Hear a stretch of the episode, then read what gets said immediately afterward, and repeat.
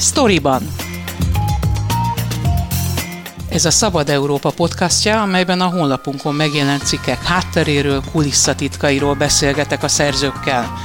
Mivel kollégákról van szó, kérem nézzék el nekem, hogy tegeződni fogunk. Én Fazekas Pálma vagyok, tartsanak velem és munkatársaimmal. Szerepcsere a sztoriban. Azt kérdezem, aki eddig kérdezni szokott. Köszöntöm Önöket, Vovesz Tibor vagyok, és a sztoriban műsorvezetőjével Fazekas Pálmával beszélgetek az egyik legolvasottabb cikkéről, amely az endometriózisban szenvedő betegekről, gyógyításuk jelenlegi helyzetéről szól. A közvélemény csak most kezdi megismerni ezt a betegséget.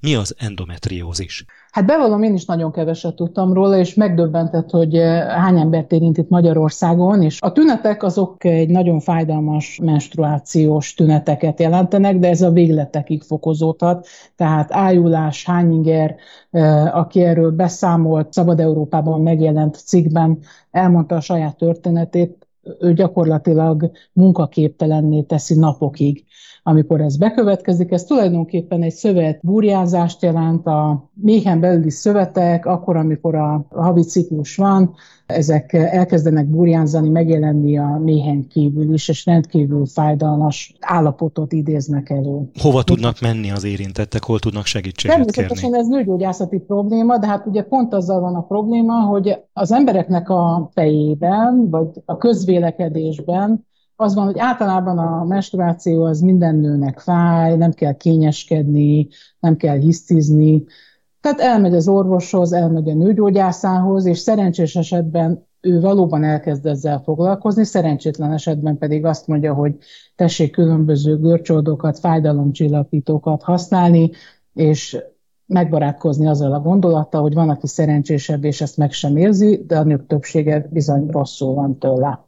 Ahogy a cikkből kiderült, elég sok nőt panaszkodik arra, hogy maga a nőgyógyász fel sem ismeri ezt a korképet az első lépésben, első vizsgálatban. Így van, ez az egyik legnagyobb probléma, hogy előfordul, hogy bizony 7 évig tart, mire fölállítják a diagnózist, és akkor már nagyon sokszor, nagyon sok szervet érint ez a betegség, és nagyon komoly műtéti beavatkozást igényel. Ez egy speciális szakterület, ahogy nekünk eh, dr. Katona Renáta, akivel terveink szerint később fogunk egy podcastot csinálni, szintén ebben a témában, mert hogy a cikkünk után nagyon sok megkeresést kaptunk, elmondta, ez egy speciális szakterület, speciális orvosi tímeket szoktak felállítani rá külföldön általában. Magyarországon is van több ilyen, nem sok, négy, azt hiszem. És itt az endokrinológustól kezdve a nőgyógyászon át a radikális sebészig nagyon sok olyan szakember van, pszichológus is egyébként, hiszen az egész életminőségedre rányomja a bélyegét ez a betegség. Nagyon nehéz párkapcsolati helyzeteket okoz, ahogy a nekünk nyilatkozó lány is elmondta, több kapcsolata ment tönkre emiatt, mert hogy neked mindig van valami bajod.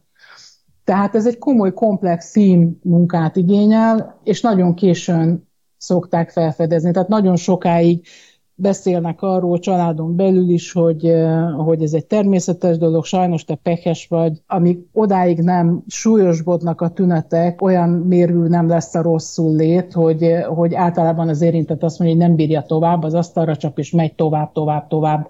Ultrahangok kellenek, emerik kellene, de ahogy a doktornő nekünk elmondta, ennek az endometriózisnak a négy fajtájából kettőt mutat ki az ultrahang, és van, amikor a további vizsgálatok meg sem történnek. És beszélünk egy olyan időszakról, amikor minden egészségügyi ellátás kárt szenvedett a koronavírus járvány alatt. Hogyan alakult ezeknek a betegeknek a sorsa? Így van még rosszabb lett, eddig sem volt egy lányálom, hiszen nagyon hosszadalmasak voltak a várólisták, éppen azért, mert nagyon speciális szakterület, és nem minden orvos foglalkozik vele igazán.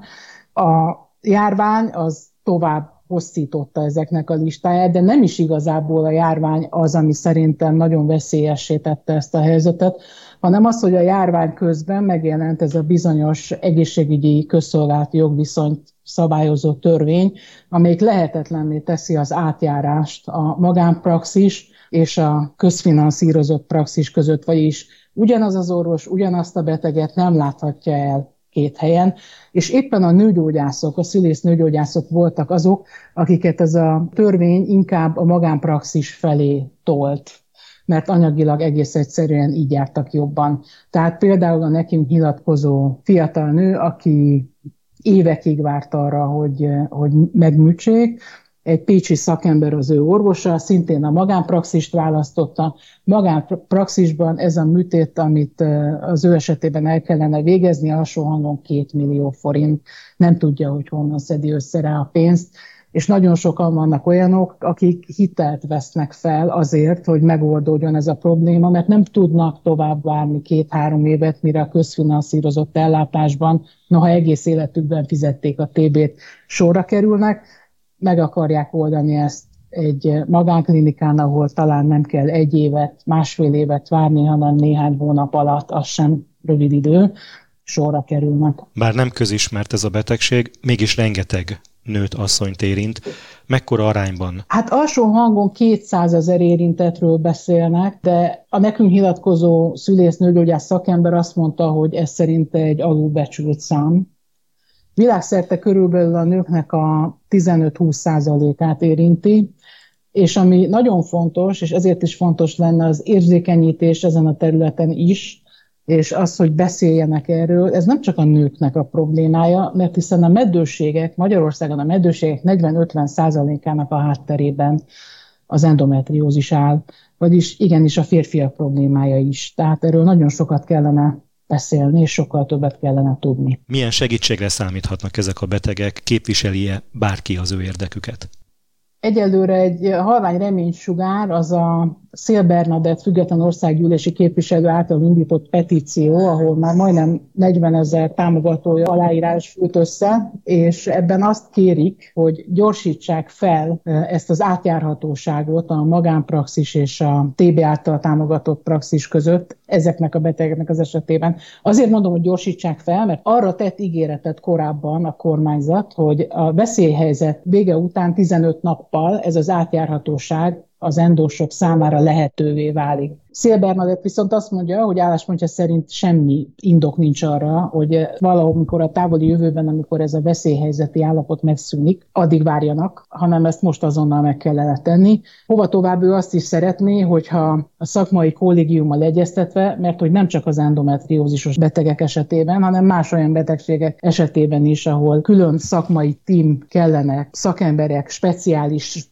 szakemberek, specialisták kellenének ahhoz, hogy egy-egy betegséget kezeljenek, legyen ilyen átjárás a magánpraxis, vagyis a fizetőellátás és a TB finanszírozott ellátás között. Július 6-án fog egyeztetni az országgyűlési képviselő Szél Bernadett az EMI államtitkárával, akkor kiderül, hogy mire jutnak. Fazekas Pálmával beszélgettem több korábbi cikkéről, melyben az endometriózisban szenvedő betegek sorsával, a járványnak és az egészségügyi közszolgálati jogviszony átalakításának őket érintő hatásával foglalkozik. A témát nem zártuk le, a fejleményeket követjük a Szabad Európa multimédiás weboldalán.